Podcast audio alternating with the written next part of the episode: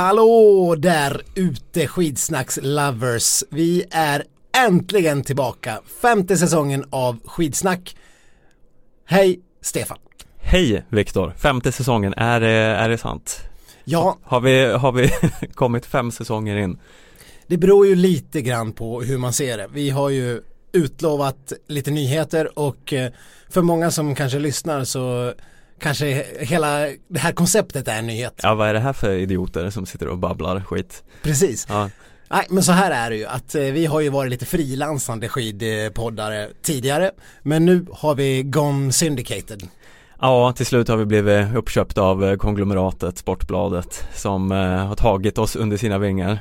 Precis, så eh, jag antar att vi får säga hej och välkomna till eh, både gamla och eh, nya skidsnackslovers där ute. Ja, är man en skidsnackslover direkt om man är ny kan man konstatera det. Ja. Blivande skidsnackslovers kanske vi, kan, kan säga till en början i alla fall. Ja men vi har väl nu, eh, jag vet inte hur länge vi håller på, någon dryg timme eller någonting på eh, oss att verkligen fånga in den här nya publiken och få dem att bli skidsnackslovers. Jag, tycker jag tycker vi bara förutsätter att de kommer bli fast. De är någon så här prospects till en början. Ja, Lite sån här uh, Sons of Anarchy uh, um, uh, dudes som vill gå med i MC-gänget men inte riktigt har genomfört alla testen. Nej precis, vi har ju våra gamla trogna, eh, trogna lyssnare där ute, Mackan och vad heter de allihopa? Ja, eh, kan, det, så, riktigt så noga behöver vi kanske det inte gå in på inte det. Men vilka är vi då? Eh, vem är du? Jag, jag är ju Stenqvist, vi brukar kalla oss Sköld och Stenqvist för enkelhetens skull. Jag är Stenqvist eh, och eh, är 34 vårar. Oj oj oj, det Go. var, det var intimt. Avslöja sådana detaljer. Ja, och har väl eh, alltid gillat att kolla på skidor och sånt. Och det är väl ungefär där i eh, vårat, eh, vårat expertis ligger. Vi har, vi har ju inga enastående skidkarriärer bakom oss. Vad är det du säger? Två Vasalopp eh, i, i bakfickan skulle jag ju ändå vilja eh, slänga in här. Ja, det är ju faktiskt inte att förkasta. Eh, Mm. Nej men det var väl eh, väldigt kort om mig. Vem är du? Eh, ja men jag är ju Sköld då. Eh, jag skulle vilja presentera mig så att eh, i min ungdom eh, ringde telefonen och det var min vän som spelade i, eller min bandkollega ska vi säga, i mitt metalband Mm. och sa att ska vi inte repa nu? Och jag eh, sa men det är ju damernas massstart om fem minuter. eh, Där och då insåg jag väl kanske att eh, jag inte var så supermycket metal. Nej, nej du var, du var mer 30 kilometer klassisk stil massstart. Eh, ja, men något sånt. Men vad, vad roligt att eh, det finns en helt ny barndom. För förr i tiden kanske man inte kunde sitta och prata om att man skulle följa massstarten. Då, då var det individuell start som eh, gällde. Så det, det säger ju en del om hur, hur långt vi har kommit när vi redan nu kan ha barndomsminnen av massstart. Ja, det här var ju då eh, skidskytte visserligen. Men, Ja, okej. ja, ja, det föll det. Ja, men vi ska väl säga det att i, i våran podd så är det inte bara längdskidåkningen vi kollar på. Vi kastar även eh, mer än ett getöga över till eh, skidskyttet. Det mm. hänger ju lite ihop. Skidskyttet har ju varit lite som en, eh, vad ska man säga, eh, en bortglömd eh, släkting som man inte vill ha så mycket med att göra. Precis, det har ju varit längdskidåkningens lite, eh, lite bortbytiga kusin från landet. Ja, Som han har släppt in i värmen, eh, ja men någon gång på någon släktmiddag när det har vankats eh, liksom verkligen, nu bjuder vi in hela familjen. Typ vart fjärde år när det är OS. Ja, och nu senast OS då så fick, blev det väl, det var väl först då skidskyttet blev eh, återinbjudet till eh, alla släktträffar. Ja men precis, det blev lite som en andra andning nu när vi har Sebastian Samuelsson och alla dessa storhopp för framtiden. Mm, Öberskorna framförallt på damsidan kanske. ja. Men eh, vi ska väl säga att vi är väl eh, främst en eh, längdskidbevakande podd. Och då kanske inte riktigt så mycket på det här eh, resultatmässiga utan mer kanske Ja, vi försöker mer, eh, vad ska vi säga, personliga. Ja, vi försöker ju hålla extra koll på eh, stjärnornas sociala medier och hitta lite guldkorn där och, och, och lite, vi läser ju väldigt mycket om vad som eh, sker i skidvärlden för att kunna servera er poddlyssnare eh, de gottigaste godbitarna. Ja. Och det ska vi väl göra varje vecka är tanken. Ja, så eh, ja, ni lär väl fatta ungefär eh, vad det handlar om eh, ganska snart. Så Ja, och sen har ni ju typ 65 eh, gamla avsnitt att gå in och botanisera kring. 75 skulle jag vilja 75, säga. herregud. Så välkommen till avsnitt 1 eller avsnitt eh, 76 beroende på hur ni väljer att se det. Ja men vi drar väl igång lite här då. Vad, hur känner du att saknaden har varit här under uppehållet? Ja, det spritter ju i skidpratartarmen. Finns något sånt? Nej, det får man väl ändå säga att det har varit en lång och varm sommar framförallt. Men eh, det har ju inte gjort att längtan efter skidåkning har blivit mindre. Tvärtom så har man ju liksom saknat det här vindpinande nordanvinden som trycker in 40 sekundmeter minusgrader i ansiktet. Ja, man fick ju en liten försmak här i helgen när det var den här lilla hittepå-grenen eh, eh, Supersprint som eh, gick av stapeln i Östersund för eh, andra året i rad. Ändå bra tv. Ja, jo det är, det är ju explosivt kan man Ja. säga. Men eh, ja, jag vet inte. Vad, vad tycker vi om den här, den här tävlingsformen? Jag kan säga att jag tycker bättre om supersprint än om eh, skid-skicross. Det här, Vi har inte sett, skid, eh, sett skidskicross än. jo, det har vi ju sett. Vi såg det på några Jo, ungdoms-VM. jo, men inte med riktiga elitåkare. Nej, nej, nej. Men okej, ja, men jag tycker ändå att supersprinten var det var som en liten eh, munsbit inför vad som komma skall. Det kanske inte liksom eh, gav någon formlig orgasm i, i smaklökarna i, ansik- i munnen. Det, det är tarmar och det är orgasmer och smaklökar och det var, Men det var som en liten så här föraning om, eh, om vad som hände sen. Nu var det ju det var ju typ bara svenskar och så den där Jensen som alltid är med och vinner de här tävlingarna. ja, jo men det är väl lite så det brukar vara. Men eh, ja, jag, jag tar mest med mig eh, att jag tycker Stina Nilsson var väldigt eh, rolig som eh, svarade i intervjun efter något hit där att eh, nej men 100 meter är inte riktigt min paradgren längre. Det är tre mil. Stina Nilsson har ju då innehaft världsrekordet i 100 meter en gång i tiden. Ja men hon börjar bli lite till åren nu. Ja. Vet, de, här, de här korta musklerna är inte lika explos- explosiva längre. Nej, och efter en eh, fin eh, OS eh, tre mil så ja, känner hon själv i alla fall att hon har bytt paradgren. hon är numera tre mils specialist. Men den kom liksom bara på uppstuds så här, utan det var ju liksom ing- ingen ledande fråga på något sätt. Det är ju synd att det är så få tre milar i världscupcirkusen hon får briljera på Ja, sin ja det, blir, superdistans. det är ganska få hundra meter också. Ja. Jo, Så jag tänker ändå att det är bättre att vara bra på tre mil. Mm. Nej, men det är ju ändå en del sprint. Jag vet inte, ska man, ska man eh, ana oråd när det kommer till sprintsäsongen och Stina Nilssons eventuella framgångar? Ja, ja vi jag, jag, jag tror inte vi ska utläsa för mycket av det uttalandet. Nej. Men jag, jag tyckte det var festligt att höra. Mm. Annars var det mest, eh, det jag tar med mig annars är att det var fint att höra Jakob Hårds röst igen. ja. ja, verkligen. Självklart. Och sen tar jag med mig att vi hade rena framtidsvågen där på damsidan ändå med, som kulminerade i Linn Svan som gick och vann hela skräddiduset. Mm. Är det en eh, ättling till Gunde Svan detta? Ja, det hade man ju gärna kunnat tro men det har ju faktiskt smugit in sig ett H i hennes efternamn. Mhm. Så jag, jag fattade ju misstankar att det skulle kunna vara någon släkting till Mattias Svan. Du vet han vallarexperten Ja, och före detta eh, elitåkaren. Men det verkar inte vara heller utan eh, det jag- finns fler svanar det finns där ute i landet. det finns hur mycket svanar som helst. Och det här, det här är faktiskt en, eh, en, en Lennart Svan som är pappa till den här Men eh, inte, Inte in, den, inte Lennart. vi Lennart Svan. Inte vi Lennart Svan. Nej, en annan Lennart Svan. Det nej, du hör ju hur virrigt det är, men så var det. Men eh, det tar jag med mig, förutom då Stina Nilssons roliga svar. Ja. Eh, men eh, det var i alla fall som sagt härligt att höra det här. Nu är det ju snart om typ en och en halv vecka eh, en vecka vid eh, utgivning här, eh, dags för Bruksvallarna premiär.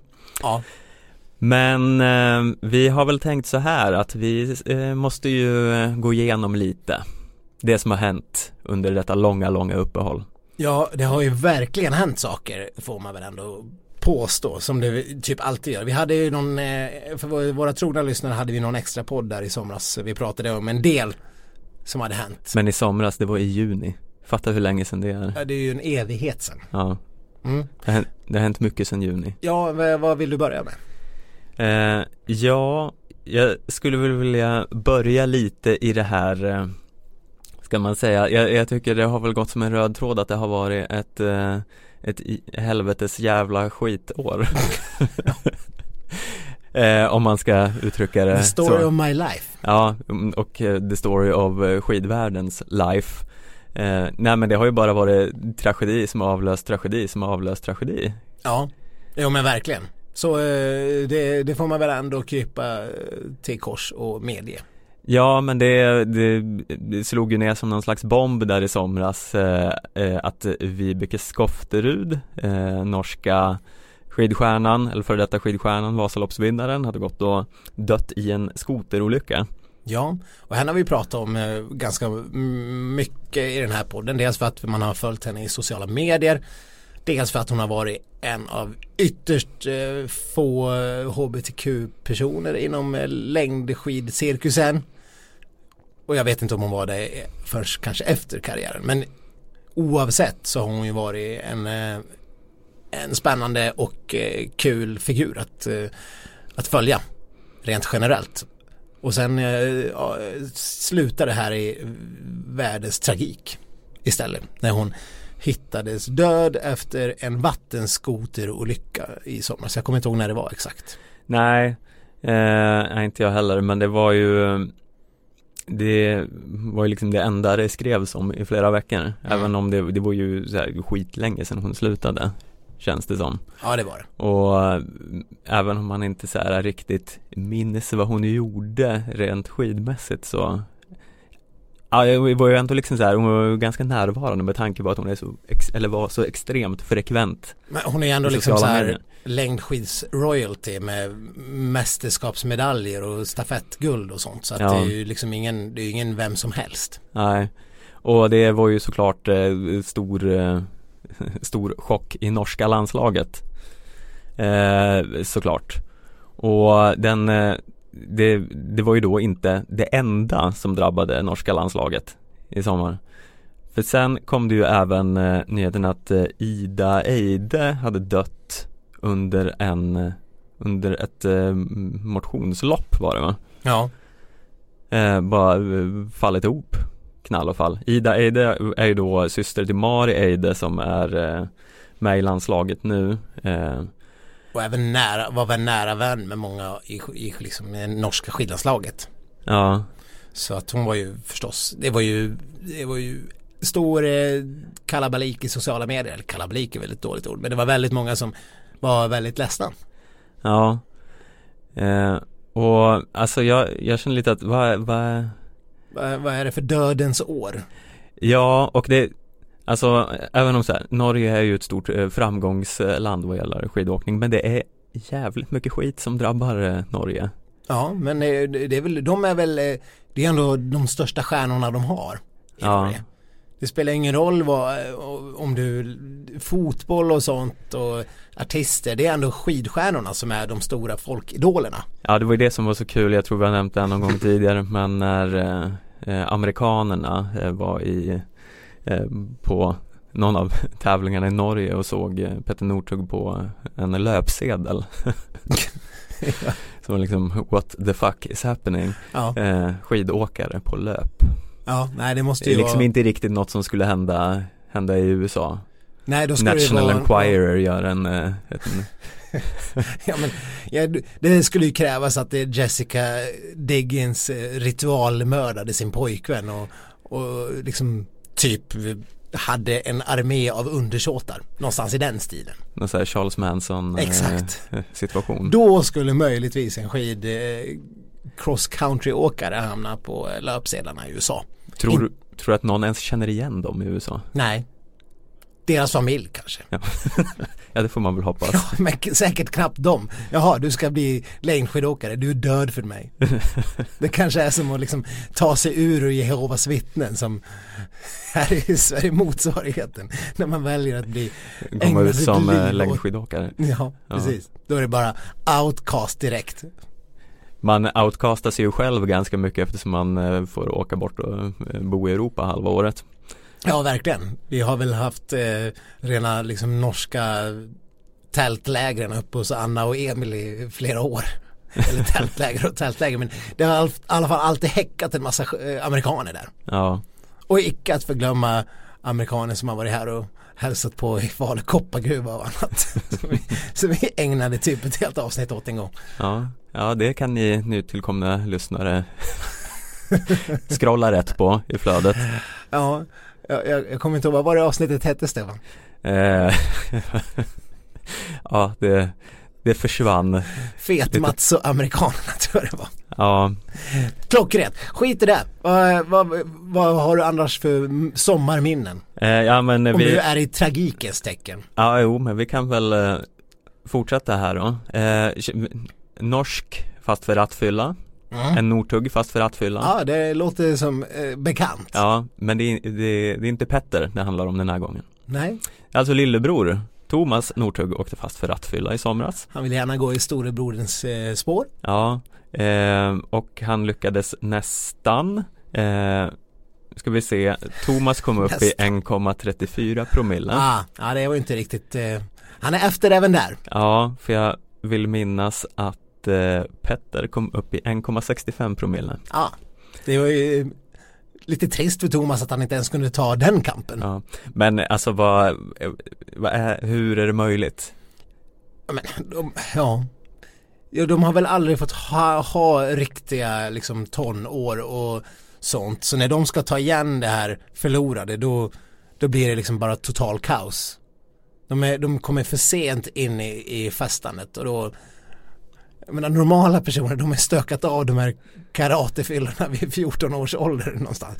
Ah, nu uppmuntrar inte jag någon poddlyssnare som är 14 att gå ut och ta en karatefylla. Det får ni vänta tills ni är 18. Mm. Men alla andra gör ju det när de är 15, 14, 15, 16. Mm. Eh, så att eh, det är det som norrtuggarna inte har gjort. Och när man är 14, 15, 16 har man inte så mycket bil att, eh, att eh, sätta sig i och köra rattfull menar du? Precis. Mm. Eh, utan då, då tar man ju en cykel och kör ut för en jävla gräsmatta och in i en häck istället. Det har ju typ alla gjort. Och nu när Thomas Northug istället har någon form av bil att sätta sig i då blir ju konsekvenserna värre. Och lika var det ju för Petter. Det kom väl också för övrigt fram ganska nyss att han hade ljugit för polisen i samband med sin rattfylla. Eh, vilket var en uppgift som kom ur hans nyutgivna bok. Ja just det, han har, han har gjort en sån också. Han har gjort en sån eh, var på Kalle Halvarsson tyckte att ja, håller man på och skriver böcker då är man väl inte någon skidåkare längre. Han är ute och svingar med stavarna Ja, direkt. Det var hårt. Ja, det var hårda bud. Ja, Eh, men jag kan väl till viss del hålla med lite grann. I, alltså har man tid att sitta och skriva självbiografier, alltså jag tror inte att Petter har skrivit ett ord i den här självbiografin själv såklart. Nej nej nej. nej. Han är ju spökskrivare, det är väl inga hemligheter med det. Men då kanske man har lite fel fokus. Hans fokus borde ju vara att komma tillbaks till att vara en promille av den gamla Petter Northug. Mm. Eh, och så, och det gör han ju inte.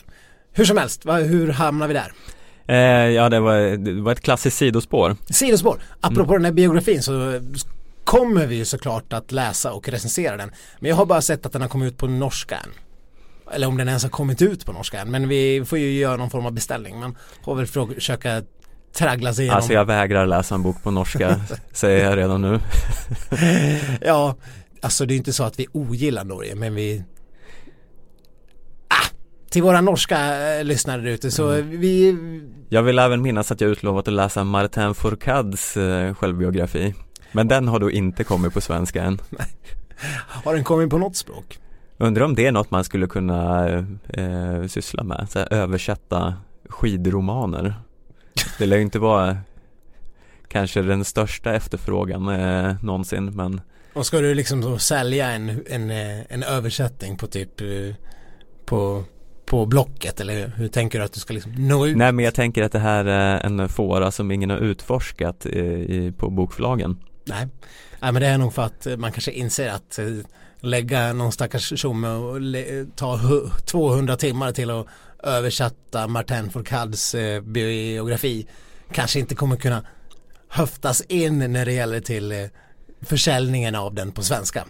Nej, Nej du har väl någon slags poäng där men eh, Jag tror det är bättre att bara köra skit genom typ Google Translate och sen, sen försöka göra sitt bästa för att fatta något sammanhang. Lite som vi gör när vi ska försöka tolka eh, ryska skidåkares Instagram-inlägg.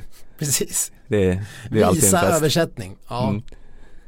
Facebook är en erkänt eh, prisvinnande översättningstjänst. Mm. Eh. Men hur som helst, eh, vi får väl se när Petters biografi kommer ut på svenska. Men den eh, ska vi ju förstås läsa och recensera. Mm. Men eh, för att återgå till huvudspåret här, Thomas Northug mm. Eh, som eh, pensionerade sig för något år den sedan. Den lite sämre rattfylleristen. Eh, den lite sämre skidåkaren också. Ja. Eh, vi får väl, eh, vi kan väl sammanfatta det här med att hoppas att Lill, Lill Northug, Even, inte går i samma fotspår som sina bröder i alla fall. Nej, jag vet inte. Det var ju någon gång sagt att han var liksom den lite mer talangfyllda yngre brodern. Och jag vet inte riktigt eh, vad som har hänt med det. Har vi, någon, eh, har vi någon spaning på hur det går för honom och hans skidkarriär? Ja, han har legat lågt på internet tycker jag på sistone i alla fall. Eh, så jag vet inte, vi får väl se om han får vara med någonting i kommande säsong. Mm. Får vi se om han eh, om skidkarriären går åt eh, skogen kan ta och bräcka familjerekordet i rattfylla istället. det är inte heller någonting vi uppmanar till. Nej, nej det, vi hoppas absolut att han inte slår det rekordet. Nej, vi hoppas man... att han blir diskvalificerad. Ja, verkligen. Att han aldrig ens ställer upp. Ja. Bra. Men apropå tragik så eh, finns det ju faktiskt ännu mer mörka händelser från sommaren. Det, det låter som det vi kommer bli världens jävla depp-podd. Vi ska försöka vara lite jag har lite annat att prata om sen också. Ja, vi ska ja, väl bara det... stöka av det här, det här Det känns som vi måste nämna all den här, eh, all det här, Dyster, det här mörkret. Mm. Ja, och det är ju rätt dystert just nu också. Mm. Rent klimat, eh, eller vad säger jag, vädermässigt. Det är grått. Det är grått. Ja. Så ta, Så ta... vad passar bättre än lite skidtragedi? Nej, visst. Nej. Leverera Stefan, leverera. Eh, ja, eh, som om det inte vore nog drabbades eh, eh den eh, sen nyligen pensionerade skidåkaren Kickan Randall av eh, bröstcancer. Ehm, det är liksom som att ja men alla de här kom som någon form av i ett litet svep. Mm. Det, det hände inom någon månad allting. Och Keckan Randall som faktiskt eh, klev in och han blir lite av en, en amerikansk nationalhjälte det sista hon gjorde. Ja, eh, hon eh, och Jessica Diggins vann ju sprint eh, där i OS. Det är ändå om man ska prata om amerikaner och längdskidåkning och sådär och få sitta och vara med i Jimmy Fallon då, då, har, då gjorde de ju det man måste göra för att ha en, en sportmössa. Ja, så nämligen, att någon mer utanför deras familj känner igen dem. ja, precis. Ja. ja. men nämligen ta ett eh, OS-guld. Det är lite det som krävs. Det är ändå fortfarande så att eh, OS-guld i USA är rätt stort. Mm. När man lyckas göra det. Helst ska man ju ta det i typ gymnastik eller liksom amerikansk fotboll. Mm. det finns ju inte amerikansk fotboll på OS-program. Det är svårt att ta den i amerikansk fotboll alltså. ja, Eh, så då får man ju ta det i längdskidåkning istället. Mm. Sen vet det blir jag... väldigt lätt att ta det i amerikansk fotboll när det väl införs ja, dock. Ja visst, det som jag jag hoppas ju fortfarande att bandy ska in på OS-programmet någon gång. Innebandy, vad händer med de ärofyllda sporterna? Det är ju två, två, det är ju fyra säkra medaljer in på Sverigebanken till, till OS nästa gång. Ja, den dagen bandy kommer med i OS så lovar jag att Norge har skaffat ett världsrenommerat landslag. Ja, de har väl tagit sin jävla oljefond och liksom värvat in alla svenska bandytalanger. Ja. Nej, men det lär vi inte hända. Men jag har inte sett om Kickan Randall fick vara med i Jimmy Fallon. Nej, jag såg att de var med i USA Today i alla fall. Det är alltid något. Ja, herregud. Mm. Men, eh, och sen ja, det tråkiga i det här var förstås att hon har drabbats av bröstcancer. Ja, Det ser ju dock ut eh, som att det hittills har gått bra med alla behandlingar. Hon är ju väldigt frekvent eh, på eh, Instagram kring detta. Träffade Anna och Emil i New York Nej, här eh, i helgen. vad kul! Mm. Eh, De var ju där och sprang eh, New York Marathon. Och det här vill jag nämna av en anledning. Jag anar. Jag har ju på något sätt Jag har ju känt mig oerhört glad och nöjd efter att Anna och Emil gick i mål på New York Marathon. Okej. Mm. Och det är för att de sprang på en sämre tid än vad jag gjorde Mm. för fyra år sedan. Ja. Så jag är alltså bättre än eh, Anna och Emil. Jönsson Hag, humble brag, humble brag. ja, nu ska vi ju lägga in lite olika typer av brasklappar här. Innan vi liksom utnämner dig till någon form av eh, maratonchamp. Vi har ju ingen aning om vad Anna och Emil har gjort. Liksom sen de eh, la skidorna på hyllan. I och för sig, de verkar ju fortfarande hålla på att träna och sådär men Men eh, man har inte någon koll på om de verkligen är i sin livsform. Men det är klart. De la ju av för typ ett halvår sedan. De kan ju inte vara i någon form av eh, katastrofform. Ja men jag vill bara ändå ha, lägga lite smolk i din glädjebägare här. Du kan inte få sitta här och vara helt lyrisk. Ja, Okej det kan du få. Det, det, man tycker ju lite grann att de ska kunna jogga in på under tre timmar. Ja, men istället var de fyra minuter långsammare än mig. Fyra minuter, Ja, det är mycket tid. det är en, e- det är en evighet. Ja, Eh, vad, vad var det de hade för tid förresten? eh, tre och tio någonting. Ja, det är en, en habil eh, maratontid. Ja, det får man väl ändå säga. Jag sprang ju för övrigt eh, Göteborgsvarvet eh, förra året, nej i år. Eh, Det, det är min tid ska vi inte prata om. Men eh, Hanna Falk eh, blev ju då, det här har vi pratat om på den förut, hon blev ju familjemästare på en halv mara. Men jag kommer, jag tror att hon sprang på en och 27 om jag inte missminner mig eller något liknande. Mm. Så Ja, det var ju inte mycket att hänga i julgranen. Hon är ändå aktiv. Ja, Nej, nej men och så, i och för sig hon, har, hon är väldigt kort. Så, korta Mm. ben kanske. Det kanske inte är det bästa. Och hon är ju ändå sprintspecialist. Och det är väl, eh, det är väl eh, lite samma med Emil. Han är, inte, han är också sprintspecialist. mm. men eh, för att eh, hylla mig själv lite till här så Ja. i jämförelse här så Lina Korsgren som vann senaste Vasaloppet Mm. Hon åkte väldigt bra i den här 100 meters eh, sprinten här i helgen Gjorde hon? mm. Så det går att eh, vara bra på bägge Ja, ja vad bra. Ja men grattis Stefan till din förträfflighet. Ja Ja men då kan vi ju liksom lika gärna här lämna tragedin bakom oss lite grann Tragedin att Anna och Emil inte klarade av att eh, spöa dig i Eh. New York Marathon. Nej, Det var inte riktigt det jag syftade på Men eh, att gå till lite mer glada grejer Ja, vad har hänt för skojfriskt sen vi pratades vid sist? eh, Det absolut minst eh, oväntade, minst, vad säger man så? Minst oväntade Mm. som har hänt Det måste väl ändå vara att eh, Anna och Emil Som vi nyss pratade om precis har Mm. spelat in Superstars Nej, ja. Ja, ja herregud vad väntat. mm. Det får man väl ändå säga.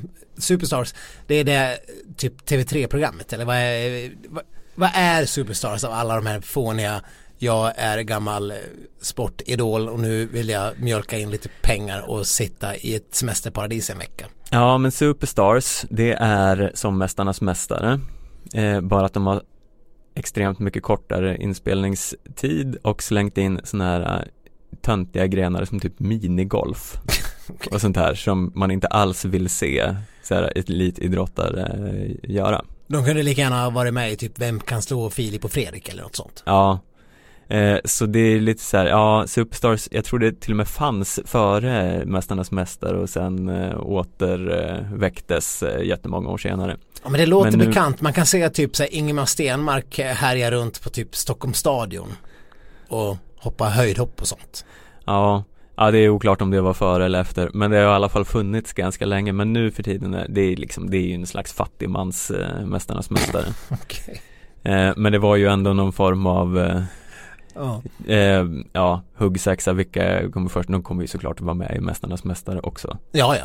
Ja, herregud. Det är ju det här de håller på med eh, och sen får vi väl se hur mycket Doobidoo och eh, sånt det var. Vi diskuterade ju någon gång om de skulle platsa i På spåret men det är väl tveksamt.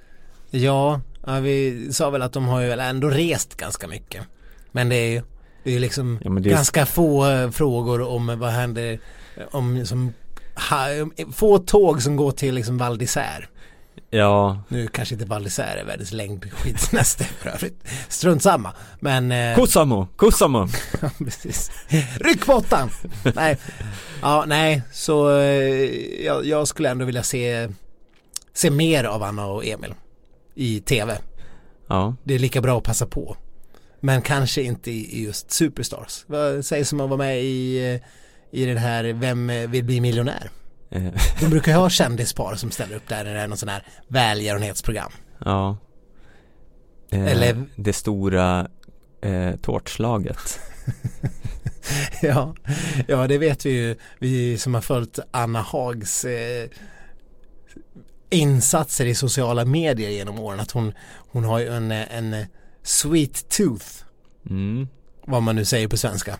Finns säkert ett bra uttryck. Söt tand. Så, så, säger man verkligen söt. Nej, jag tror inte man Nej. säger det. Så att eh, det stora tårtslaget kanske skulle vara någonting. Mm.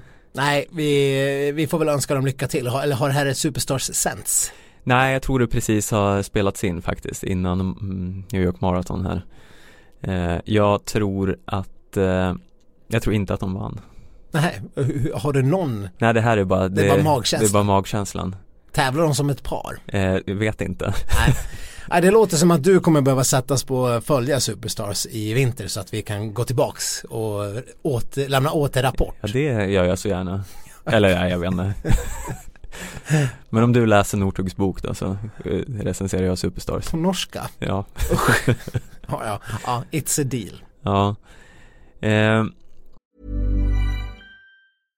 This is Paige, the co-host of Giggly Squad, and I want to tell you about a company that I've been loving, Olive and June. Olive and June gives you everything that you need for a salon quality manicure in one box. And if you break it down, it really comes out to $2 a manicure, which is absolutely insane. It's also so easy to get salon worthy nails at home with Olive and June. The difference between how your nails used to look when you did them yourself and now with the Manny system is a complete game changer. The best thing about Olive and June too is it's a quick dry. Dries in about one minute, lasts for five days, and full coverage in up to one to two coats. Visit oliveandjune.com slash perfectmanny20 for 20% off your first system. That's oliveandjune.com slash perfectmanny20 for 20% off your first system.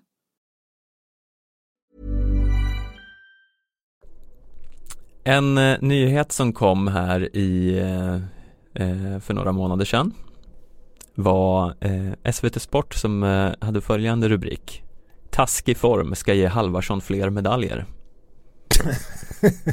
Har du eh, en kort kommentar på detta? Ja. Ja.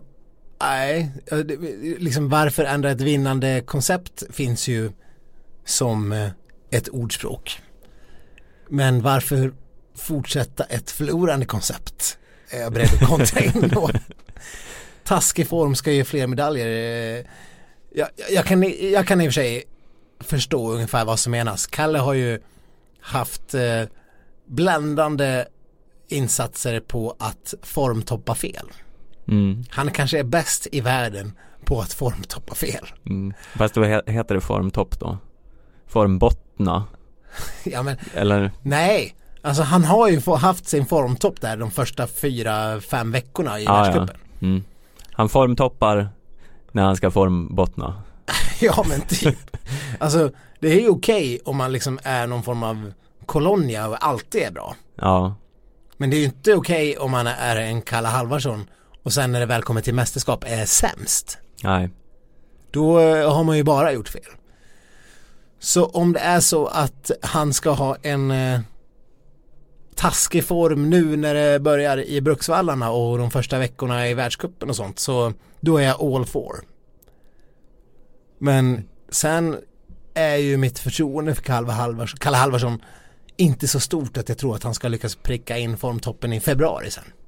Nej, nej det har ju hittills inte riktigt funkat så, så eh, Nej Känner mig också lite orolig Jag känner mig ännu mer orolig efter att ha sett de här eh, uppdateringarna från Robin Bryntesson eh, de senaste dagarna om vad som komma skall. Ja, eh, Robin Bryntesson för er som inte är riktigt lika skidnördiga som vissa andra som lyssnar på den här podden så är ju han en tidigare typ sprinter och som kanske också, var han en av de som sadlade om, gjorde en kort långloppskarriär? Ja, jo men det låter bekant. Och numera är han någon form av typ spelevink i NRK. Sadlat om till spelevink. Sadlat om till heltidsspelevink. Mm. Och blitz, eh, blitz eh, företrädare typ. Ja. Har han fortfarande det gigget? Jag vet inte, jag tror han fick sparken. Ja, det var, det var de här magiska reklamerna för skidglasögonföretaget Blitz. Sök på This Bliss med ja. Z om ni, om ni vill ha en kul stund. Förbered er på skrattfest. Ja. Men hur som helst, eh, Bryntesson, numera håller han på och tokar sig på internet. Han kanske, ja. är, han kanske är influencer. Ja, hur som helst. Eh, det har spridits lite små eh, hintar om någon form av musikvideo. Ja. Med en Kalle Halvarsson som eh, springer runt med en eldkastare. Vi har inte sett det här än för den har inte släppts i poddandets stund. Nej. Men, man, jag, jag anar oråd. Ja man får ju se på klippen när eh, Kalle springer runt med den här eldkastaren och sätter eld på någon pappfigur av Petter Northug och ah, Jag vet inte. Kalles dåliga omdöme bara. Det är i alla fall ett bättre hån än det här vi nämnde tidigare om att eh, eh, om man har tid att skriva en bok så är man ju ingen skidåkare. Nej, det det är ju ändå sen gammalt att eh, Kalle har ju, han har inte put his money where, the, where his mouth is än. Om man ska dra en rejäl underdrift. Eftersom han är den största icke-leverantören vi någonsin har sett i en landslagsdräkt. Nu, nu, nu var du hård ja, här. Det, det är kraftord men eh, det är väl, eh, jag tycker ändå att det är väl underbyggda kraftord. Mm. Eller? Eh, ja, hittills får vi säga. Men jag, jag ser fram emot att bli motbevisad den här säsongen. Och jag menar visst han har gjort bra, han har gjort bra lopp i landslagsdräkten. Men jag, vi snackar ju liksom eh, hård valuta och metall. Medaljer. Där eh, Kalles Wikipedia-sida ekar tom. kan man väl ändå säga. Här i Sefeld det händer. Ja men kanske. VM i Sefeld i februari någon gång. Vi får se, det, beror, det hänger väl på om man äntligen hittar den där hjärnskrynklaren vi har varit inne på tidigare. Ja. Eh, ja. Och apropå Kalle så får vi ändå säga att det har hänt, det har varit en livsförändring för honom. Ja. Eh, det har ju, han har ju brutit upp med eh, sin eh, sambo Jenny Öberg. Eh, som också eh, har tillhört landslaget. Nu vet jag inte, nu är hon väl i någon form av tredje sorteringstrupp eller ja, Jag någonting. vet inte riktigt vad hon gör. Nej, men eh, de har eh, gått skilda vägar. Mm.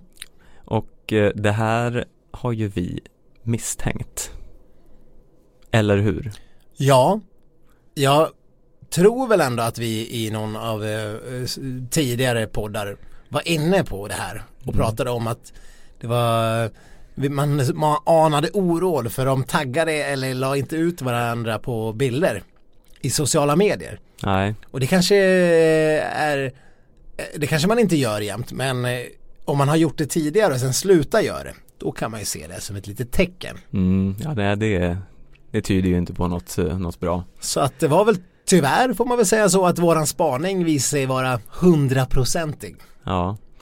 Där, det ser ni lite av den kraften som skidsnacksduon eh, trots allt besitter och, och som gör att ni ska fortsätta lyssna på den här podden. Där kan man få höra sådana här Killgissandets kraft. ja, precis. Så här liksom galopperande killgissningar som eh, en gång av hundra faktiskt står in. Mm. Och nu, nu var det tyvärr så för, eh, eller tyvärr, det kanske var det bästa som har hänt i Jenny och Kalles liv. De liksom kunde bygga varandra under många år och nu går de stärkta ut, ut i livet. ja, ja vi får hoppas det. Vi får hoppas det. Ja. Jag såg förresten att Kalle håller på att bygga ett hus nu så att eh, det är ändå kul för honom. Ja, ja vi hoppas det går bra där. Eh, en som har varit lite eh, otursförföljd igen är Ebba Andersson stjärnskottet som har fått känningar i sina knän. Mm. Är Ebba Anderssons knän det nya Johan Olssons luftvägar? ja. ja, vi får väl hoppas att det inte är det. Vi har ju, vi har ju pratat om hennes skadeproblem varenda säsong som hon har varit aktuell för att hon har ju alltid haft de här eh, olika typer av skadeproblem inför säsongerna som har kommit och även under säsongen ibland. Så att eh, det är väl klart det är lite oroväckande men hon är ändå så ung och kanske inte har byggt upp musklerna tillräckligt bra för att kunna bekämpa de värsta skadesymptomen. Nej, hon kommenterar det här själv med att hennes eh, läkare sagt att det inte skulle vara något problem, att det var fullt naturligt och hej och hå, jada, jada, jada. Eh, men eh, man blir ju ändå lite så här brydd med sådana här återkommande samma problem hela tiden. Situationer som vi ju är så vana vid med alla våra skidåkare, eller hur? Ja, och jag, jag, jag har lite svårt att fatta det egentligen. Det känns som det borde, skidåkning borde kunna vara en ganska, alltså det är inte sån skadefylld sport på det här viset. Det är inte så mycket hör, hör, hårda studsar som att löparknä och sånt. Nu springer de ju för jävla mycket alla skidåkare förstås. De kanske blir skadade off-season. Ja, men det verkar ju nästan inte så speciellt om man har eh, knäproblem som Ebba. Hon kanske ska sluta springa Ja men var det Peppe Femling fick ju en äh, jävla stav genom benet Rakt igenom benet, inte bara liksom så här en liten stavspets som eh, gjorde ett litet eh, hål så att han fick sy två stygn. Staven gick ju igenom benet. Ja Det är ju ta mig fan helt sjukt. Ja, och att han är tillbaka i någon form av eh, kör som vanligt nu, vad, Ja. vad det verkar är ju är ju lite obegripligt när man såg de bilderna. Om man ska få något genom benet när man håller på med skidskytte så tror man väl ändå att det är typ eh, En kula. en kula som, som någon eh, eh, som Sebastian Samuelsson har liksom vårdaskjutit eller någonting sånt. Mm. Inte en stav. Totally insane. Det var ju helt vidriga bilder när han låg där och hade Ja men det verkar ju som sagt ha gått bra för honom. Mm. Men på tal om Sebastian Samuelsson, Ja, han har ju varit och typ träffat Donald Trump. ja. Fast han inte alls träffade Donald Trump. Nej, han fick ju inte göra det. Han fick ingen sån där Kanye West eh, session inför 400 fotografer. Och, och så Trump vid liksom själva skrivbordet och så Sebastian Samuelsson som sitter och lägger ut orden om om dopning, doping, det var doping han skulle prata med va? Ja, han var där i någon form, på någon form av antidopingkonferens, eh, Mm. tjosan, som eh, jag tror enda europeiska deltagare. Oj, för er som inte har hängt med så har ju Sebastian Samuelsson eh, stuckit ut hakan ganska mycket vad gäller doping och han bojkottade ju en tävling i Ryssland på grund av allt fiffel som, eh, som det hölls på med där och han blev ju mordhotad av eh, ryssar och allt vad som nu hände. det är ändå liksom en sak på bucketlisten man kan Ja. bocka av, mordhotad av ryssar. det är ändå rätt häftigt. Ja, så då har eh, den lille statsministern som han har kallats eh, i media tidigare Eh, Jag minns inte riktigt vart det var så jag drar det lite slängande i media Ja, ja. Eh, Men då, han har kommit rätt långt på ganska kort karriär hittills Vita huset, det är inte så många som har tagit sig ända dit Nej, verkligen inte. Eh, Djupt imponerande och jag har väl ändå svårt att känna att man skulle någon annan svensk skulle vara bättre lämpad att skickas till Vita huset och prata om antidopingarbete. Eh, han är ju, vi har ju varit inne på detta förut att Sebastian La- Samuelsson verkar ändå ha någonting mellan axlarna mm. som inte bara är en eh, lugn och avslappnad skidskyttehjärna utan han, han kan ju faktiskt tänka till. Vilket i och för sig, många av de här eh, skidskyttarna just verkar ju vara lite tänkare. Alltså så här Björn Ferry-typer, grubblare och ha åsikter och Ja, Björn Ferry ska ju nu bara åka tåg till eh, alla kommentatorsuppdrag han har. Så han ska åka två dygn för att ta sig till Poklejukka Eftersom han eh, i sin klimatsmarta livsstil inte får flyga. Oj då. Ja, det blir jobbigt när han ska till Chamtumansisk. Ja, jag tror de schemalägger någon annan där kanske för att vara lite snälla Han får sitta och kommentera från bunken ute på Gärdet. Ja. Men eh, det här med Sebbe Samuelsson Jag Mm. börjar fundera lite så här eftersom det går ju sådär med regeringsbildningen just nu Mm. eh, Är det inte dags att eh, talmannen Kallar Andreas in- Norlén ber Sebbe och så kallat sondera terrängen. Ja, man kan ju lugnt säga att sonderingsuppdragen hittills har, har varit totalt misslyckade. Mm. Och om man ändå har fått smeknamnet den lille statsministern så kanske han ska ta och göra skäl Mm. för detta. Tänk vad oväntat det skulle vara om talmannen kallar till presskonferens och alla väntar en ny runda av Kristersson eller Löfven. Eller ska Annie Lööf få Ja. sonderingsuppdraget? Jag har bestämt att eh, skidskytten Sebastian Samuelsson ska se över möjligheterna att kunna bilda en regering. Ja, det hade ju varit helt fantastiskt med Wolfgang Pichler som utrikesminister. Ja, ja du hör ju. Vilken dröm.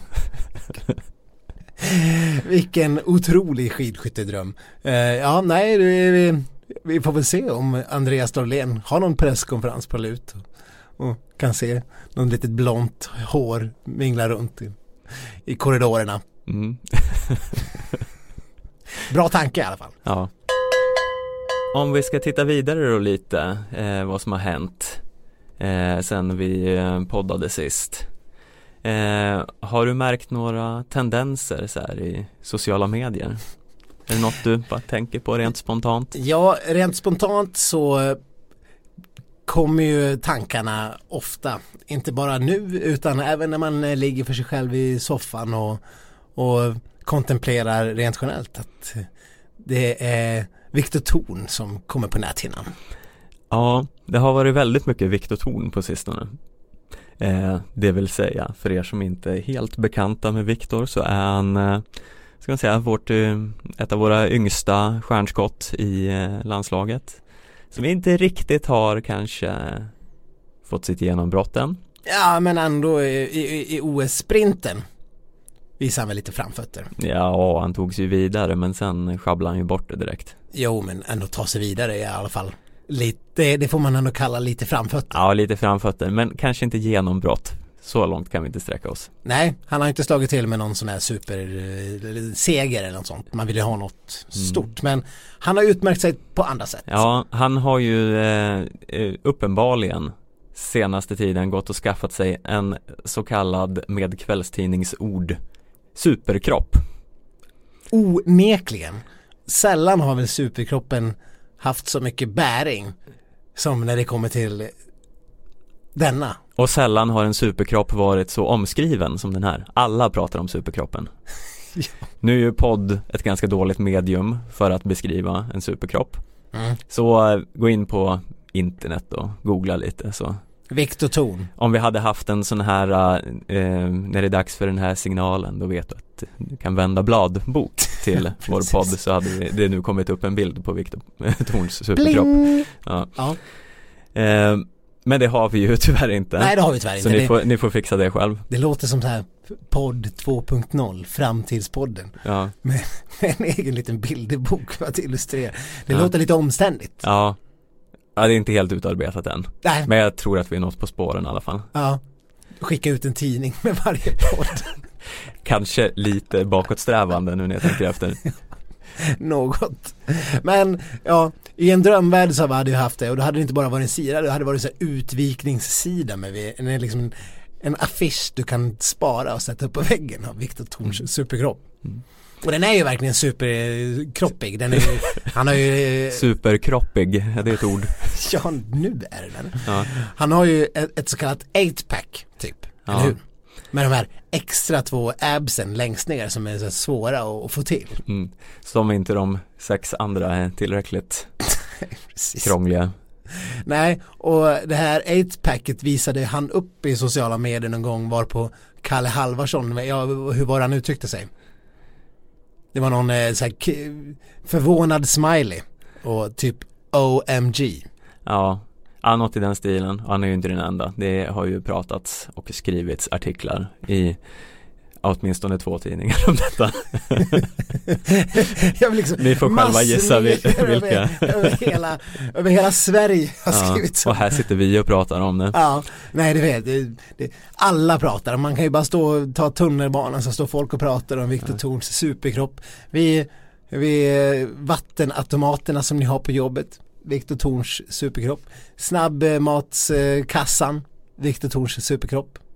Ja, eh, och här sitter vi och babblar, men vi har ju faktiskt eh, gått ett steg längre. Vi ska inte bara sitta här och prata om denna, Nej, detta 8-pack. skidsnack, eh, det här, vi kanske skulle ha någon sån här vignett. Sjopuff! Skitsnack granskar. Mm. För det är väl lite grann vad du har gjort Stefan. Du har gjort en, Ja. Jag har gjort en Alltså- så kallad nakengranskning. tyvärr så har ju nomineringarna för Stora Journalistpriset redan, redan, redan kommit. De kom bara för några dagar sedan här i poddande stund. Eh, jag vet inte hur det funkar om vi kan liksom eh, lägga det här på lager och, och och försöka skicka in en nominering nästa år eller om någon som sitter i juryn till Stora Journalistpriset kanske lyssnar och eh, kan kuppa in Stefan på något vis. Ja, ja men det är inte mer än rimligt tycker jag. Eh, Annars så kanske vi kan liksom få något special eh, omnämnande på Idrottsgalan. mm, Jag bara kastar ut den. ja. Lite kontext här då. Eh, skidåkare överlag och norrmän i synnerhet tycker väldigt mycket om att lägga ut bilder på sig själva eh, så gott som eh, nakna. Eh, bara överkropp i eh, skidspår eh, brunbrända på någon glaciär eller i ett rullskidspår eller någon annanstans. Det är helt enkelt väldigt mycket hud. Jag, Eh. jag har ju sett liksom Sundby naken oftare än min egen sambo. Ja, ja, ja men eh, Nej, nej, alltså inte så. Det får ni tolka hur ni vill. Men han gillar att visa upp sin överkropp. ja, och Sundby har ju inte ens Instagram. Precis, det är helt sjukt. Och det är inte, Sundby är inte heller värst. Nej, Vems överkropp i det norska landslaget har du sett oftast? Eh, ja, det här gick jag och liksom försökte reda ut lite grann i mitt huvud och tänkte så bara, ja, vem är det? Det måste väl typ vara Niklas Dyrhaug Ja. kanske. Mm, mm. Det är ju lite så här att eh, när man eh, som vi följer typ alla eh, elitskidåkare på Instagram så är det ju som att ha någon form av ständigt eh, lite homoerotiskt flöde eh, så fort man öppnar mobilen. Mycket, mycket. När man sitter på tunnelbanan och sen kommer Ja. ena mansöverkroppen efter. Folk måste ju undra lite grann, vad följer den här tjommen för konton? Ja, Ja, men i alla fall så jag tänkte, ja men eh, det finns ju bara en sak att göra och det är att gå till botten med vem är egentligen värst? ja. Eh, Vänta! Mm. Skidsnack granskar. Ja Och eh, så jag gjorde då en eh, kartläggning Mm. eh, Den gjordes på följande sätt Jag kollade alla eh, skidåkare i eh, svenska A-landslagstruppen bland herrarna och norska eh, A-landslagstruppen De är lite fler i Norge för de eh, separerar på distans och sprint på ett annat sätt Men du tog inte med ryssarna, de är ju ändå man får ju ändå säga att de är ganska bra på att visa upp sig i bara överkropp också. Eh, eh, sant, men eh, jag kände att det var, krävde för mycket övertidsarbete. Du har inte tillräckligt bra betalt. Eh, nej, jag, jag nöjde mig med Sverige och Norge. Om Sportbladet tar och pumpar in lite mer kosing i Ja, skidsnack, då, då kan jag kolla på Ryssland också. kanske till och med Finland. Ja, legkobb är ju eh, frekvent bland annat. Ja, hur som helst. Undersökningen gick till på följande sätt. Mm. Jag tog eh, två datum. Jag valde första juni fram till någon gång i mitten av september. Eh, den dagen jag kom på att jag skulle göra det här. Men samma datum för alla åkare så det är strikt empiriskt det här. Jag vet inte, det låter lite, lös, lösa, ty, lösa bolider. Ja, ja. En, en riktig forskning ska ju kunna upprepas av en utomstående forskare som ska kunna använda samma metoder. Men har, du- har du liksom säkerställt den vetenskapliga Jag kan skicka ut eh, mina siffror som jag har i mitt lilla anteckningar eh, ark på datorn till Ja. alla forskare som vill ta del av det. Bra, jag, jag, jag, jag, för in det i protokollet. Ja, men då om vi ska sammanfatta det här lite snabbt. Vem tror du är värst in, i eh, norska landslaget? Ja, För men- vi har ju bara förutsatt här att norska landslaget är värst. Ja, självklart. Nej men Dyrhaug som du säger är ju en kandidat. Sen undrar, undrar jag inte om så här Sundby skulle kunna fa- Fast om man, blev man diskvalificerad om man inte har, det räknas inte om man dyker upp i Ja, det andras. måste vara på ens eget konto. Mhm. Jag räknar bara egen kropp på eget konto. Det känns som att eh, de, allt det här måste in i, i, i dina eh, anteckningar som Ja. ska göras tillgängliga för alla Mm, på internet att kunna hämta hem och sen replikera forskningen. ja. Ja, eh, men eh, alltså en sån typ som man föreställer sig skulle vara en sån som visade upp sin kropp mycket på sociala medier, Emil Iversen. Mm. Men min, min magkänsla, min killgissning här är ändå att han inte kanske alls hamnar så högt ändå. Att han, han kanske har det här liksom eh, eh, man, man har en tuff framtoning men det blyga inre som kanske avhåller en från att lägga ut den där explicita barbröstade skandalbilden. Ja, äh, men då kan jag säga så att du är inte helt fel ute. Eh, jag kan gå igenom norska landslaget först här. Ja. Det känns, eh, eh, känns bäst. Okej. Vi har på sista plats, det vill säga noll bilder, Mhm. har vi eh, Sundby för att han ej har Instagram Ja. tillsammans med Kryger, Mm. Krog, Golberg och Skar. Vilka, vilka klenisar. Ja, Mer, mer naket i flödet tack. ja. Sen har vi på, därefter har vi Holund och Röte som har lagt upp varsin bild. Alltså det här är ju på typ eh, fem månader eller något. Eh, ja, tre och en halv i alla fall. Ja, det who's counting? Under sommartid. ja, det är ju skandal, skandalöst dåligt. Ja, Jag har ju lagt upp fler naken. Nej det har jag inte, men strunt samma. ja. Sen kommer eh, Fossli, Nortugg och Dyrhaug. Mm. Mm. Men hur många? Tre. Tre. Mm. Det är mycket färre än vad man har trott ändå, det är eller ju hur? inte ens en i Men månaden. det är kanske för att eh, inte alla de här officiella kontona, de här Langrens Gutta och de där är medräknade.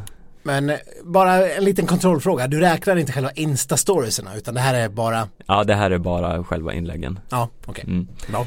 Sen har vi då på andra plats, delad andra plats, eh, Tönset och Iversen. Ah, mm. Ja men Iversen är ändå tvåa då. Mm. Men vem är då kvar? Vem har vi glömt här? Vem har vi inte Eh, tänkt på? Den främsta av ja, dem alla. herregud, Lillgutten. Nummer ett. Ja, på första plats med åtta bilder, Johannes Hösflot Kläbo. Ja, grattis. Mm. Vad Y- va yngste oväntat ändå men eh, det är klart, eh, jag, jag tycker inte att jag känner att jag ser hans kropp så ofta men det, det gör man tydligen. Ja, eh, och då undrar jag om det är en så här liksom eh, trend här. Jag anar en liten trend. Ah, Eh, för då har vi så här, sämst i Norge var Sundby, mm. gammelgubben. Ja. Sämst i Sverige är Daniel Rickardsson, som inte heller har Instagram. Så hur Gammal, Ja, ha, klarar inte riktigt av internet, nej. inte så här, eh, så sugen på att lägga ut nakenbilder. Till och med mina föräldrar har Instagram. Ja, Vilket säger mycket mm, i sammanhanget. Men Daniel Rickardsson, han pallar inte med att skapa ett konto. mm. Tänker han inte på de här törstande massorna som vill ha eh, barbröstade män på bild? Eh, tydligen inte. Han delar den här eh, sista platsen här med eh, Oskar Svensson och Carl-Johan Westberg. Nej, Inte en enda bild. jag är, jag är kränkt, sårad och besviken. Oskar Svensson har ju dock inte lagt upp en enda bild. Han känns inte så internetig, Nej. Eh, Oskar Svensson. Tror han ens har en smartphone? eh, nej, jag tror han har en Nokia 3310. Spelar Snake på sin Ja, höjd? en sån här modern version av en gammal Nokia 3310 för han var väl knappt född när den kom. Nej, precis. Nej. Eh, sen har vi på en blygsam eh, placering därefter Kalle Halvarsson, en bild. En nakenbild på Mm. Mm. Nej, väldigt klent. Sen har vi på en delad andra plats Kalle Halvarsson har ju ändå lite incitament nu att sprida ut sin eh, muskulösa kropp nu när han är going single. En ready to mingle. Precis. Ja, men på en andra plats här har vi Theodor Pettersson och Jens Burman. Mm. Tre bilder var. Ja men Jens Burman känns ändå lite så här Ja. flashig av sig. Och där kryper vi ner i ålder liksom så här att eh, yngre, yngre. Ja, men vem sa du mer? Ja okej, Theodor Pettersson men han är ett Han är ju undantag gammal som gatan, Ja. han är ju en av veteranerna. Men det jag vill komma till Ja. är att vinnaren av hela den här granskningen är ju superkroppen himself Viktor Thorn som utklassar alla svenskar och norrmän Okej. med 14 bilder Vänta nu. Om matten som jag gör snabbt överslagande i huvudet här stämmer så har han alltså lagt ut fler bilder än resten av svenska skidlandslaget tillsammans. eh, Ja, Han har ju verkligen försökt bygga upp varumärket Superkroppen under lång tid. ja och det har gett frukt Har vi gått rakt i fällan? Ja tydligen Ja men vad, vad, finns det någon analys av det här? Ja, du verkar ha analysen klar för. Du säger att det här är en, en klar eh, åldersindikator. Ja, Det här eh, hur mycket bi- nakenbilder man lägger ut. Däremot så har du ju de här eh, Theodor Pettersson eh, anomalies.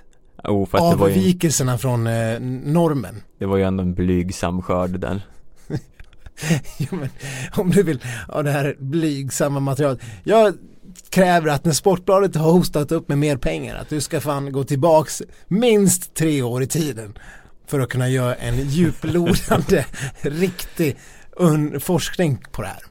Ja, ja vi får väl se vad som händer Och så ska ryssarna ska med, finnarna ska med, ta med fan fransmännen ska också med. Det känns som att sån här Jol- Jovo de, de kan nog de kan visa upp sina Magnifican, nej kanske inte så mycket. Chanava känner jag att jag har sett ganska mycket av Ja. Ja. man, man skulle kunna ställa upp alla de här eh, nakna skidåkarna på en rad och kunna liksom peka ut vems torso där Alltså, man vill, ju, man vill ju också ha någon form av världsordning. ja. Och vad liksom, Alex Harvey, är han en blott, han blottar liksom tendenser eller? Eh, är Newell, eh, liksom finns det, kan man se världsdelsavvikelser? Chanava, också ung Mm. En koppling jag kom på bara här och nu En som jag tycker, uh, ja, Ostjugov, har man sett så mycket av hans nakna lekamen? Ja, lite begränsat Han är ändå rätt ung. Ja Hur får du ihop det här? eh, Ja, jag tror att vi väljer att eh, nöja oss med den här granskningen Tre år tillbaks i tiden, ska räkna med alla som har tagit världscuppoäng under de här tre åren. Det kommer bli ett hästjobb men någon måste lösa det. Ja, när Sportbladet pytsar in en eh, researchpersonal eh, Vi kanske kan Så. få in någon liksom praktikant som kan Ja. göra de här undersökningarna. Rolig annons till Platsbanken Ja. Och det är ju inte liksom en praktikant från, eh, från eh, Märsta gymnasium utan det här är ju de KTH top notch student som ska in. Liksom. ja, ja, nej. Vi får, vi får se vad budgeten tillåter. Ja, spännande Ja, men vi ska väl börja blicka lite framåt eh, också när vi ändå är här och inte bara prata om saker som har hänt. I och för sig, det här ämnet kommer ju röra in lite på vad som hänt men snarare så ser man det ju som en del av kanske en norsk slug plan för att spoliera världscupsäsongen för eh, konkurrenterna. Det är ännu en spaningssignerad sköld. Ja, fan vad jag har spanat känner jag Ja, du har levererat. Ja, nej men så här, jag har ju upptäckt att eh, en långtgående slugplan från Norges sida För ni alla eh, minns väl, förutsätter jag, Ja, alla eh, att Petter Northug under lång, lång tid, flera år, har flörtat med Ryssland mm. eh, Vi kan ju dra otaliga exempel på detta Ja. Han har ju bland annat sagt att han funderar på att bli ryss Ja, det, har, det, det, det, det finns ju det, det finns till och med svart på vitt. Ja, han har efter säsongens slut åkt eh, till Ryssland och kört eh, en massa Blåbärstävlingar i Ryssland. Ja, och de har sjungit eh, Happy birthday för honom i, på starten eh, vid något skidlopp och det verkar vara väldigt eh, tjo och tjimmig eh, stämning mellan Han dem har stöttat dopingavstängda ryssar i sociala medier. mm. Förra året när vi tänkte att han har någon slags beef med alla andra norrmän så såg vi att han likar allt vad ryssarna gör men inget av vad hans landslagsmän gör på Ännu- eh, Instagram En av de här spektakulära granskningarna man kan förvänta sig av skitsnack. Eh, ja, det, det finns hur mycket bevis som helst för att eh, Petter Northug har eh, sneglat mot Ryssland. Mm. Men var Som någon allt, form av KGB-agent. ja, var allt bara en lömsk, lömsk plan? Är det här i själva verket så eh, att eh, norska landslagsledningen medvetet har distanserat sig från Petter Northug Man har liksom målat ut honom eller han har målat ut sig själv som någon form av quisling för att använda ett bra norskt exempel. Mm. Han har gjort sig ovän med eh, landslagspampen eh, Vidar Lövshus Minst sagt. som han inte ens nämner i sin självbiografi. Nej. Och som han har, däremot har nämnt vid ett antal tillfällen i, via utspel i medierna och sågat vid fotknölarna ett antal gånger. Mm. Har han i själva verket varit medveten om sin usla form och spelat på det här? Att han, han kommer liksom inte komma med i truppen. Det här är ju en, eh, du håller på och lägger fram en, eh, en eh, konspirationsteori, eller en konspiration av liksom Watergateska mått, Mm. typ. Ja, lite så. eh, Hur såg den norska planen ut? Den norska planen var så att långsamt bygga upp eh, ett förtroende hos ryssarna utifrån Petter Northugs sida. Han eh, vill, eh, Klassiskt spionarbete. ja, han eh, bygger nära relationer med dem, eh, får dem att tro att han är deras eh, polare. Formulär 1A, spion. Ja, eh, Bjöd säkert på vodka och sånt också. ja, men allt eh, skulle bara liksom bli en form av eh, grandios upplösning när han ska liksom knäcka dem inifrån. Jag tror helt enkelt så här att Petter Northug är lite av så här Norges eh, trojanska häst som de ska rulla in i ryska landslaget. Lite så här så, det är så som när Odysseus eh, knäckte eh, trojanerna i Troja. Ja, När de eh, eh, rullade in hästen och sen attackerade de sovande eh, soldaterna. precis. Eh, för att fräscha upp minnet av den gre- grekiska mytologin. Ja, eller var det spartanerna, trojanerna? Ja, skitsamma. Romerska mytologin. Ja, Någon typ av mytologi. En jättestor trähäst som man liksom ställde utanför porten och så tyckte trojanerna oj vilken stor och fin present vi har fått. Oj, den är jättestor och ser ut att ha luckor in men det är inget vi kontrollerar närmare och sen har den hjul och den bara står här. Det måste vara en fin gåva. Vi rullar in den innanför portarna. mm. Och så var det nu, för Petter Northug, han, Ja, och så satt det en massa soldater i hästen som åkte ut och gjorde, skapade mayhem. mm. Och i din jämförelse, i metaforen Petter Northug, vad består de här soldaterna av i hans kropp? eh, ett virus. Aha. Petter Northug insjuknade ju nyligen på läger Mm. eh, med något elakt virus. Och hur löser Norge detta? Jo, de portar honom från hotellet Mm. och inkvarterar honom på ryssarnas hotell. Slukt. Eller hur? Och där tas han emot med öppna armar som den eh, russoman han är. Eh, nej, det är ju här planen spricker då. Trots- han, Flera år av uppmjuknande. han verkar ju inte riktigt ha lyckats med det här Nej. eh, smör, smörningsuppdraget ändå, Nej. ser ut som. Eh, för de blir. Ännu en smörebom för Norge. Ja. Tack. eh, ja, nej men de eh, tyckte inte alls att det här var något kul. Sen eh, verkar ju Norge ha flunkat ur totalt eftersom Northug har ju råkat smitta ner sina landslagskollegor också. Johaug blev ju också sänkt. Ja, nej det var inget bra. Det är ju dumt att eh, eh, smitta den största stjärnan i, inför säsongen. Det var väl inte heller bara ryssarna som befann sig på det här hotellet som de försökte skicka in virusbomben Northug på utan även finnarna var väl där bland Ja. annat. Så det är ganska inte för att eh, spoliera din teori om åratal av uppbyggande här men eller åsidosätta det men om man bara kan komma in lite på hur, hur jävla svinigt det här är av Norge Ja, så saknar det ju typ motstycke om hur arrogant man får vara. Vilket säger ganska mycket om, eh, norska skidåkarnas eller skidförbundets självbild. Man kan bete sig lite hur fan som. Mm. Men jackpot för Sverige ändå.